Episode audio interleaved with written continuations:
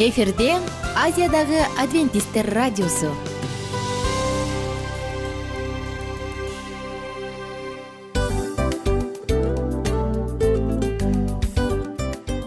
Достор салют. Баардык сүйүктүү угармандарыбызга салам айтабыз. Кутман күнүңүздөр менен. Ден соолук өмүрдүн булагы демекчи саламат саамы программасында баарыңыздарды көргөнүбүзгө абдан кубанычтабыз. Анда алгач амандашып өтөлү арбаңыздар деп. Ден соолугуңуздар кандай элибизде көбүнчө ден соолук кандай дегенде эле жакшы деп жооп беребиз э? ооруп турсак дагы жакшы дейбиз. Анан мен муну айтып ойлойт элем бул абдан сонун сөз депчи анткени бул жакшы деген үмүт да ооба баары жакшы болот. Баары сонун. Деп үмүттөнүп атып эле өзүбүздү өзүбүз дарылап коебуз.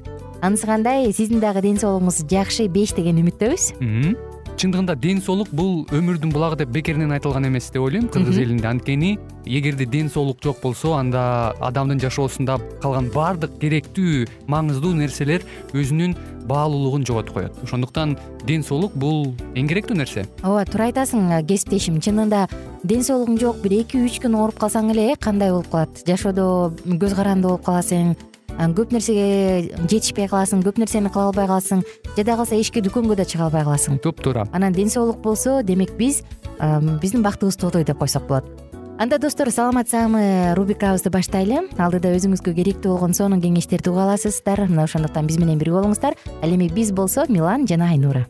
Кеттик алга. Алга саламат саама ден соолуктун жарчысы. Саламат саама ден соолуктун ачкычы. Күн сайын сиз үчүн мыкты кеңештер сонун жаңылыктар кызыктуу фактылар биздин рубрикада.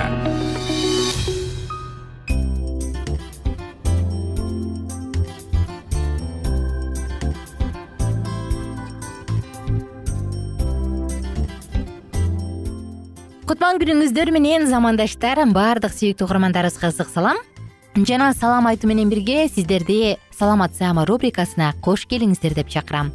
Достор бүгүнкү уктурууда дарыгерлер менен болгон маекте сонун маалыматтар айтылат жана мен ишенем бул маалыматтар сиздин жашооңузда чоң жардам тийгизет деп.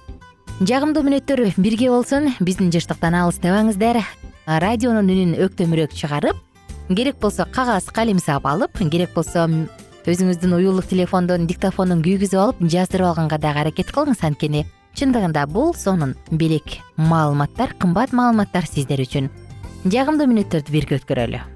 Мисалы азыркы пандемия маалында э март айынан бери биз күрөшүп келе жатпайбызбы ковид он тогуз менен спид менен ооруган адамдардын абалы кандай болду?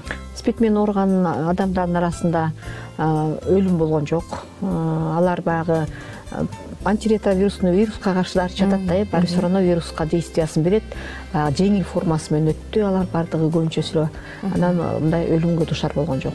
Биз баягы коронавирустун э, карантин баштала баштаганда эле э, үч айлык запастарын баардык ооруларга таратып бергенбиз баарына анализдерин тапшырышкан. Андан кийин карантин узартылганда дагы бейөкмөт уюмдардын жардамы менен биз баардык дарыларды жеткирип бердик да үзгүлтүккө чейин үзгүлтүккө учраткан жокпуз. Жакшы рахмат. Оорулуулар жөнүндө сөз кылып калдык. Анда мен ошо кыргызстандагы статистикага дагы токтолуп кетсеңиз деп суранат элем. Кыргызстанда канча официалдуу түрдө катталган оорулуулар бар канчалык алдын алуу иштерди жүргүзбөсөк дагы. Мисалы мамлекет тарабынан э, эл аралык уюмдар бейөкмөт уюмдар менен бирдикте иштер жүргүзүп атсак дагы вич инфекциясы күндөн күнгө өсүүдө.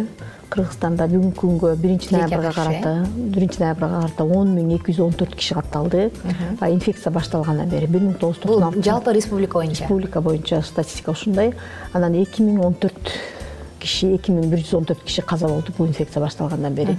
Эми баягы жугу жолдор боюнча айтсак алдыда алдыда токтололу жугу жолдоруна ошол катталгандар деп айта кетпедиңизби? Көбүнчө кайсы дубандарда болот? Канча жаштагы адамдар бул ооругандар дубандар баардык областтарда катталган. Эң көп катталган чүй областы анан бишкек шаары ош областы жалал абад областы катталат. Ал жерде катталгандардын көбүнүн эмне үчүн чүйдө көп катталып атат бишкекте көп катталып атат анткени ички миграция бизде аябай өнүккөн. Жумушка иштеп келгендер бар. жумушка иштеп келгендер көчүп келгендер бишкек менен чүйдө көбүрөөк. Анан мурда статистиканы мисалы бишкекте жашап атып деле баткенден көчүп келген болсо статистиканы баткенге кетирчүбүз да. Баткенге бир случай болду беш случай болду деп кошчубуз да. Азыркы күндө жашап аткан жеринен табылса ошол жашап аткан жерине статистикага кирип калды да. Анткени ушул жерде жашайт ушул жерден лечение алыш керек ал баткенге барып лечение ал дебейбиз да э? Ооба. Ошон үчүн статистика бишкек менен чүйдө көбүрөөк болуп атат да анан ошто да көбүрөөк. Ал эми нарын талас ысык көл баткен областарында мындай ситуация миңге жете элек. Баягы начальный стадия деп коебуз эпидемия жаңы башталып аткан кези жакшы. Алдыда биз ушул оорулуулар же көзөмөлгө алынып жаткан адамдар менен кандай иш чаралар өтүлөт бул тууралуу токтойлу. Алгач бир аз иреттүү болуш үчүн жугуу жолдорун айтып берсеңиз. Кандай жолдор менен жугат? Бизде көбүнчө кандай жолдор менен жугуп атат? үч жугуу жолу бар. Биринчи жанагы шприц аркылуу анан кан аркылуу деп коебуз парентеральный путь передачи дейбиз. Ал путь мурда он жыл менен салыштырсам э эки миң онунчу жылы ошол путь алтымыш тогуз процент болсо бүгүнкү күндө ушул эки миң жыйырманчы жылдын он айына он үч эле проценти түздү ал эми азыр половой путь передачи бизде өсүп атат. Анткени ошол эле салыштырмалуу айтсак мурда отуз тогуз процент болсо э отуз алты процент болсо бүгүнкү күнү алтымыш жети алтымыш сегиз процентке ордун алмашып кетти. Анан энеден балага жуккан жолу үч процент жалпысы а бирок аны да он жыл менен салыштырсак эгер эки миң онунчу жылы отуз тогуз процент түзсө бүгүнкү күнү он айдын ичинде бир эле процентке түшүрдүк. Бул эмне үчүн жугуу жол өзгөрүп атат? Жана парентеральный путь передачи мурда наркомандардын арасында аярылуу топтордун арасында көп болчу. Наркомандардын секс кызматкерлердин арасында жанагы эркек менен эркек жыныстык катнашка барганда да бизде көбөйүп атпайбы э ошолордун арасында көп болчу. Жана жынысын өзгөрткөндөрдүн арасында да көп болчу. Бүгүнкү күнү алардын арасында алдын алуу программалар көп киргизилди киргиздик мисалы кыргызстанда кыргызстан чыгыш европа орто азия өлкөлөрүнүн ичинен биринчилерден болуп биз экспресс тест шилекейден аныктоо ыкмасын киргиздик бир он үчүнчү жылдан баштап киргизе баштадык. Канчалык деңгээлде тастыктоо туура көргөзөт тастыктоосу токсон тогуз процентке чейин тастыкталат ал демек эми спид борборго барса ал сөзсүз эле кан тапшырбай шилекейин тапшырып кетсе болобу эле тапшырса болот. Ал бул метод киргизилгенден бери бир жүз жүз кырк дейин бир жүз элүү миңге чейин киши текшерилип бир миң эки жүз бир миң үч жүздөй киши аныкталды да ошол экспресс тест менен андан кийин бул эмне үчүн дагы азайып атат жанагы шприцтерди алмаштыруучу пункттар бар бизде кыргызстанда. Ал үй бүлөлүк дарыгерлер топторунда түрмөдө бар анан бейик үкмөттүк уюмдардын базасында бар. Ким наркоман болсо шприцтерин алып барып ошол пунктка алып барып жаңысын алмаштырат дагы. Информация алып кетип турат информационный материал алып кетип турат да. Андан кийин метадонный программа да бизде киргизилген. Метадон бул мисалы наркоман шприц менен героинди венасына сайынса э? Ооба анын действиясы алты сааттан сегиз саатка чейин болот ал эми метадон синтетический наркозат болуп саналат бир күнү убакыт бир убактысында барып өзүнүн дозасын ичип кетет суюктук болот. Ал действиясы жыйырма төрт саатка чейин болот. Ошон үчүн ал мисалы героинди алты сааттан сегиз сааттан кийин уже дозасын иштей алса сатып алат же а бул болсо суткасына бир суткага чейин болот ошондо сиздер колдон келишинче ошол паратенталдык жолдор менен жууну азайтып атабыз да достор жогоруда айтылгандай эле эң сонун маалыматтар биздин ден соолугубузду коргоо үчүн бүгүнкү күндө бар. Канчалык маалымдар болсоң ошончолук куралданган болот эмессиңби мына ошондуктан бүгүнкү айтылган маалыматтар дагы жашооңузга чоң таасирин берип жардамын берип сизди ар кандай кырсыктан ден соолукту сакташ үчүн жаман нерселерден сактасын оорулардан дарттардан сактасын. Адамдын биринчи байлыгы ден соолук. Адамга экинчи байлык ак жоолук керек. Бирок ак жоолук ден соолуксуз кызык мына ошондуктан сиздерге кааларыбыз албетте бекем ден соолук. Өзүңүздүн колуңуздагы байлыкты сактаңыз барктаңыз.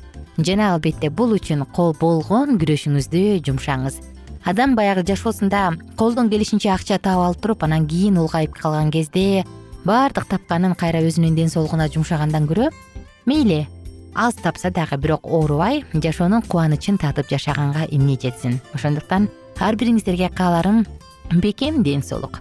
Коштошобуз достор сиздер менен. Кийинки уктуруулардан кайрадан амандашканча бар болуңуздар сак саламатта туруңуздар. Күнүңүздөр көңүлдүү маанайда улансын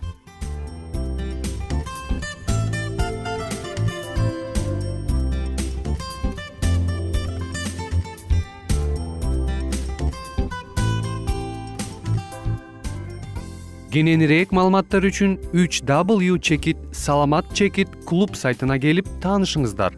Жана андан тышкары социалдык тармактарда youtube facebook жана instagram баракчаларына катталыңыз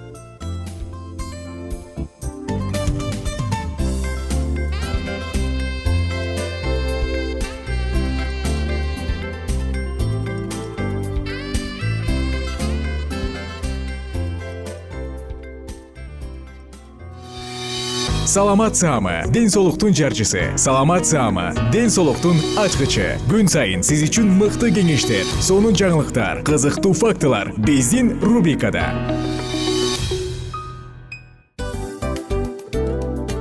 Салам достор. Кайрадан биздин сүйүктүү рубрикабызга кош келиңиздер деп айтмакчыбыз. Баардык замандаштарыбызга арбаңыздар деп саламыбызды айтабыз. Улуу ушундай бир урматтаган учурашуу менен анан дил маек радио баракчабызга чакырабыз. Негизи дил маек биздин рубрикабызда эмне жөнүндө кеп кылабыз? Бул дил маектин мааниси эмнеде? Рубрикабыз менен кичине тааныштырып кетсеңиз. Сөзсүз түрдө тааныштыра кетейин кесиптешим суранычы боюнча бул учурда бул радио баракчада биз ар тарап кесип ээлеринен сонун кеңештерди алабыз сүйлөшөбүз сырдашабыз аталарыбыздын эжелерибиздин апаларыбыздын кеңештерин угабыз айтор жан дүйнөгө адамдын э, сапатына адамдын деги эле адам болуп жашашына керектүү баардык кеңештер алдыда. Негизи э, дил маек дегенде баягы эки адамдын ортосундагы сырдашуу кенен сүйлөшүү. Негизи эле биз адамдар бири бирибиз менен бир жерге жай жерге отуруп алып өзүнчө тынч э, жашоо жөнүндө өмүрүбүздө эмне болуп атканын бөлүшкөнү жакшы көрөбүз э адамдар. Ооба туура айтасың анан мындай учурга кээде убакыт да жетпей келет э. Же болбосо сырыңды кайгыңды муңуңду кубанычыңды айткың келет а адамга ишенбешиң мүмкүн. Ооба. А бул радио баракча угармандарыбыздын чыныгы досу. Анткени бизден алган кеңеш сиздин жашооңузга чоң жардам берет. Ал эми сиздин бизге айта турган сөзүңүз ортодо гана сыр бойдон калат. Ошондуктан биздин дил маек рубрикабызга дагы бир жолу кош келиңиздер. Жана биз даярдаган маалыматтарга даяр болуңуздар. Айнура жана милан сиздер менен бирге алдыга кеттик ар түрдүү ардактуу кесип ээлеринен алтын сөздөр жүрөк ачышкан сыр чачышкан сонун маек. Дил маек рубрикасында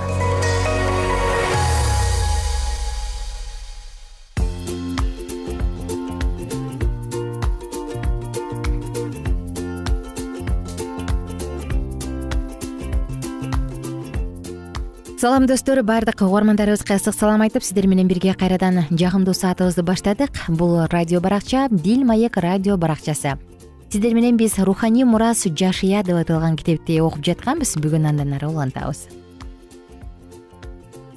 Кудайдын бул жазасы курандын бешинчи жыйырма беш жыйырма алтынчы аятында да жазылган. Алла кудай мындай деди. Анан албетте алар үчүн буга кырк жылга тыюу салынды ошол жылдары алар бул жерди кезип жүрүшөт. Андыктан бузулган тоң моюн элге кайгырбай эле койгула. Канаан жерине кирүүдөн баш тарткан ысрайылдыктарды дал ушундай башкача бир аташат. Мунун мааниси бузулган тоң моюн. Бул канаан жеринде өкүм сүргөн эң жаман күнөөлөрдү кудай жазаламакчы болгондугунун дагы бир айкын белгиси. Согуш жана басып алуу согуштар биз жашаган азыркы дүйнөдө бийлик менен байлыкка умтулган саясатчылардын кылган туруксуз иш аракеттеринин кесепети деп эсептейбиз. Андыктан ошол кезде канаан жеринде калыптанган жагдайды түшүнүү биз үчүн өтө кыйын. Ыйык жазууда согушту актаган атүгүл аны майда чүйдөсүнө чейин сүрөттөгөн ушул китеп бар экенин билгенде көпчүлүк кишилер аң таң болушат бул китептин тарыхын тарыхтан алган ордун. Андагы негизги идеяны туура түшүнүү үчүн анак тукумдарынын жасаган диний жана саясий иш аракеттерин кунт коюп карап чыгып аларга калыс баа бергенибиз оң. Ошол кездеги согуш чыккандардын мыкаачылыгы уламыштардан гана эмес тарыхтан да орун алган. Өз душмандарын союу терисин сыйруу адаты аполлон марсийдин терисин сыйрыганы жөнүндө грек мифинен келген болушу мүмкүн. Анда аталган эки анак музыкалык таймашка чыгып марси жеңилип калып жаза катары териси сыйрылган. Бирок миф менен чындыктын ортосунда да так чек жок. Геродот биздин заманга чейинки бешинчи кылымда марсидин сыйрылган терисинен плантондун айтымында шарап куйган чанаш жасалганын аны али да көрсө болорун жазган биздин заманга чейинки биринчи кылымда птоломей да аполлондун фестивали жөнүндө маалымат берет. Анда өлтүрүлгөн адамдардын сыйрылган терилери кудайга багышталгандыгы айтылат. Мындай салт ошол аймактын баардык жерине тараган болсо керек. Кийинчерээк ассирия падышалары да душмандарынын терисин сыйрып шаар дубалдарына жайганын айтып мактанышкан. Канаандыктар абдан көп кудайларга табынышкан алардын арасында согуш аял кудайы анат да бар эле.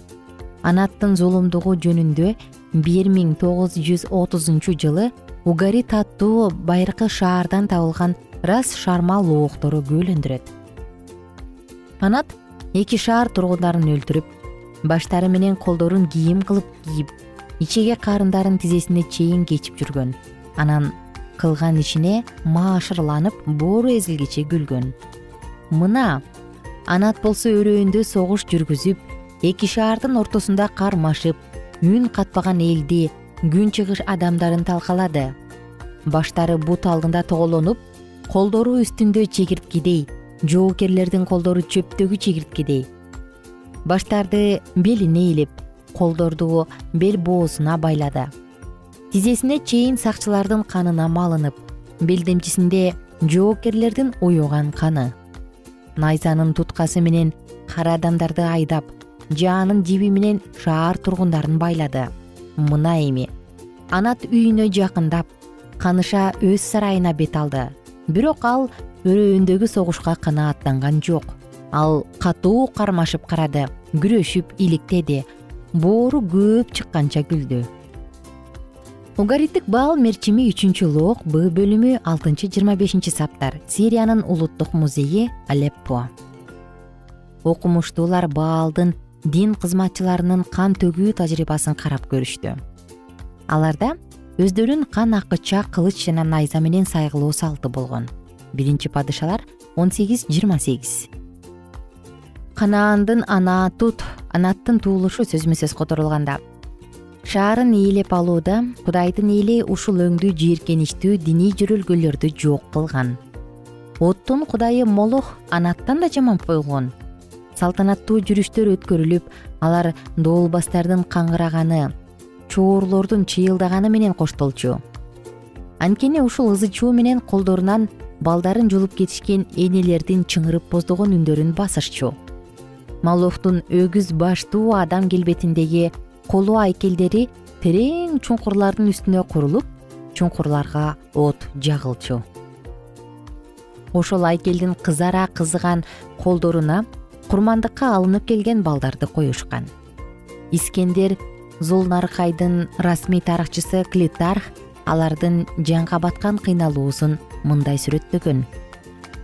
Жалындаган от денеге түшкөндө мүчөлөр тырышып ачылган ооз күлгөндөй көрүнүп тарамыштары тартылган дене үн туурсуз очоктун ичине сыйгаланып түшөт. Беттин ырсая күлүшү сардоникалык күлкү деген ат менен белгилүү. Анткени алар күлүп өлүшөт. Бул үзүндү алынган түп нуска текст тарыхтын туңгуюгунда калып жоголгон. Бирок жүрөк күчүн алган жөрөлгөнү майда чүйдөсүнө чейин аны өз көзү менен көргөн бирөө гана сүрөттөй алмак шайтан акылын такыр эле адаштырып салган бирөө гана мындай кут учурган окуяны сүрөттөп жатып баланын айтып болгус кыйналуусуна кымындай да боору оорубай үч ирет күлкү деген сөздү колдоно алмак. Сүйүүнүн жана төлчүлдүк менен түшүмдүүлүктүн аял кудайы астарта гректердин афродитасына окшош болгон. Аны менен кошо биз кадат танит ашера катарат. Кадешту жана башка ушул өңдүү түшүнүмдүүлүк менен төлчүлүктүн кудайларын өзүнчө бир тобун көрөбүз. Ошол кудай сүрөйлөрдүн көңүлүн алуу үчүн жасалган ыплас аракеттерди бул жерден кеңири сүрөттөөнүн эч кажети жок. Аларды эскертүүнүн өзү эле уят сыйытка жатпайт. Алардын бир көрүнүшү канаанда кеңири таркаган сойкулук зыйнаты болгонун ошого ыйык аялдар да эркектер да катышканын айтканыбыз эле жетиштүү болор. Достор кийинки уктурууда саатыбызды бирге улантабыз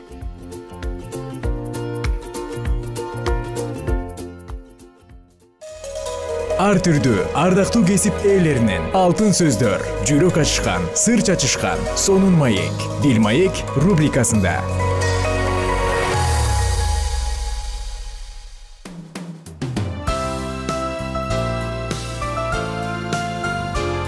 Эфирде азиядагы адвентисттер радиосу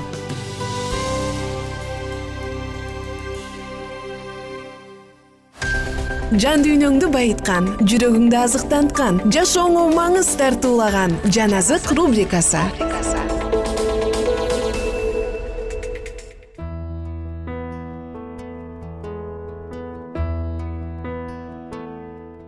Салам достор. Баардык угармандарыбыз менен амандашып биз жагымдуу саатыбызды баштадык. Жан азык радио баракчасы жана сиздер менен бирге акыркы учур көпчүлүк ар бир адамга кызык болгон ар бир адам тозок кандай болду экен? Ал чын эле барбы? Деген суроого жооп берүүчү сонун саатыбызды баштадык.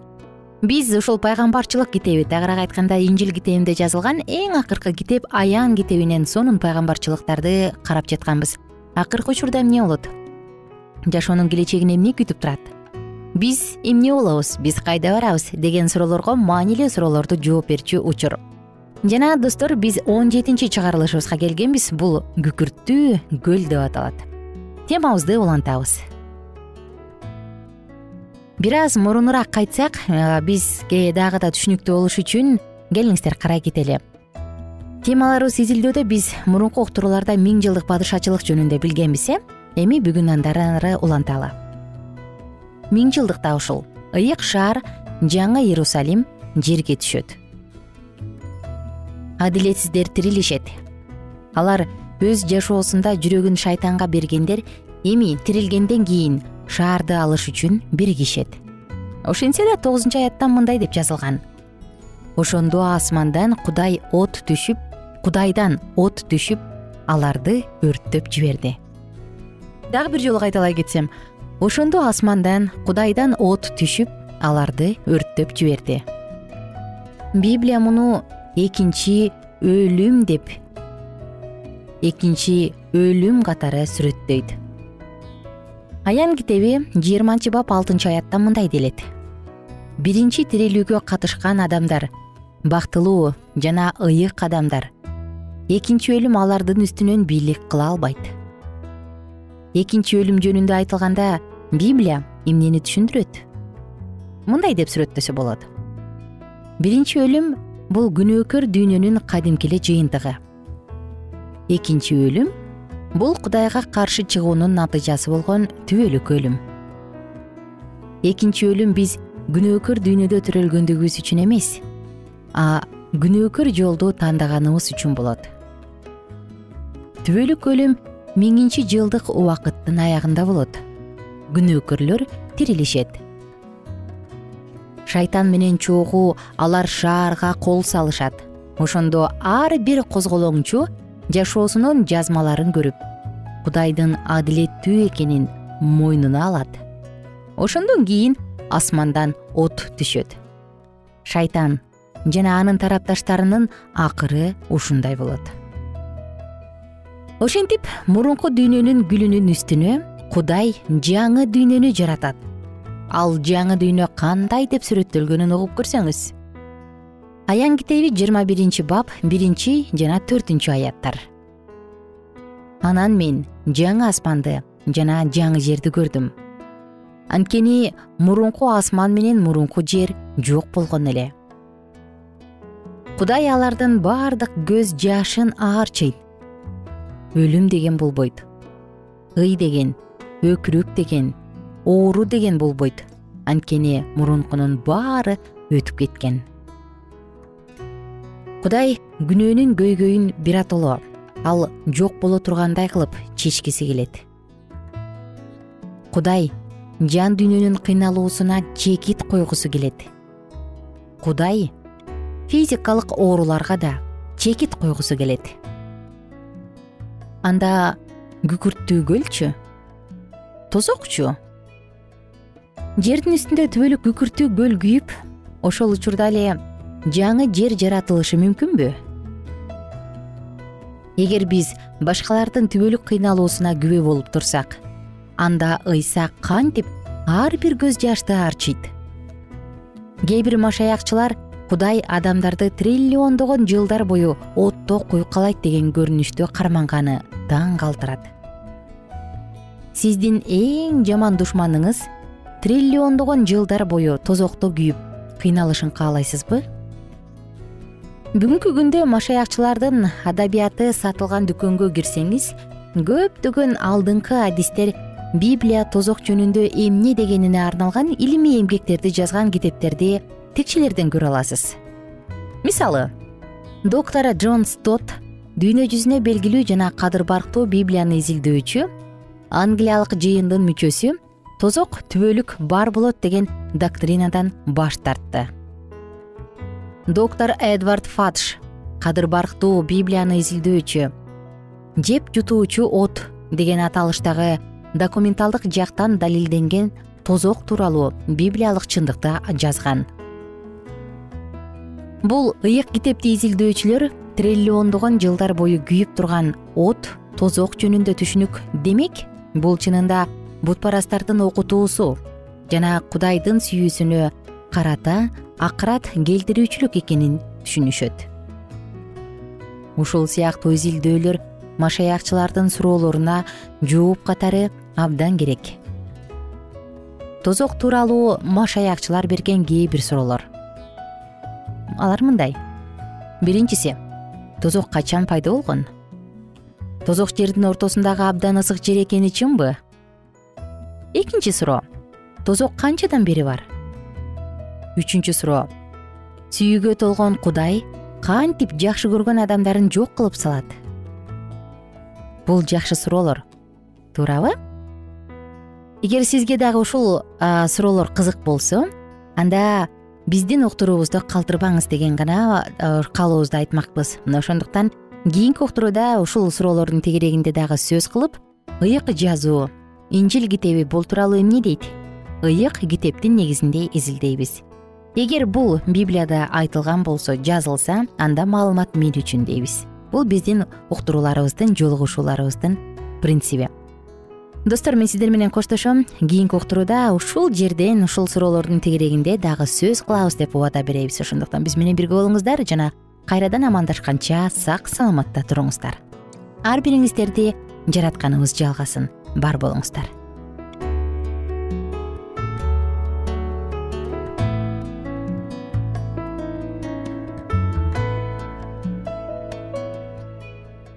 эгер сиздерде суроолор болсо же көбүрөөк маалымат билем десеңиз анда биздин whatsapp номерибизге жазыңыз.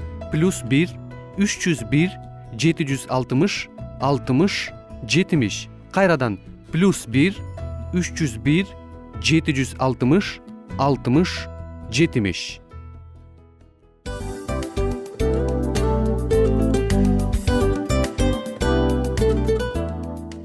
мына ушинтип убакыт дагы тез өтүп кетет экен. Биз дагы радио уктуруубуздун аягына келип жеттик. Келип кубандырдыңар эми кетип кубандыргыла деп тамашалап калышат эмеспи анысы кандай?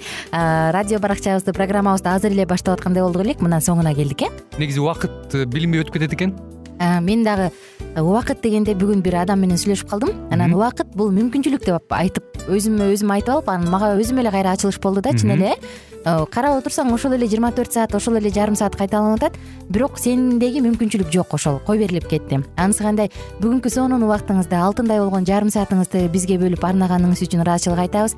Анан жашооңуздун кайсы бир сферасын өзгөртө турган сонун пайдалуу кеңеш алган болсоңуз анда биз максатыбызга жеттик. Анан ушул нерсени кылбасам десеңиз ошол өзгөрүүлөрдү кичинекей кадамдардан баштап иш жүзүнө ашырыңыз дагы жашооңузда чоң чоң ийгиликтерге жетиңиздер. Чын жүрөктөн ар бир берилген кеңештер сөздөр сиздерге пайдасын алып келет деп ишенебиз. Жана кийинки уктурууларда сөзсүз түрдө чыдамсыздык менен сиздерди күтөбүз. Сагынычтуу салам айтып кайрадан дал ушул жыштыктан баардыгыңыздарды тосуп алганча. Кызматта мен айнура жана кесиптешим милан. Анда кол булгалайбыз. Жалпыңыздарга ийгиликтүү күн. Саламатта калыңыздар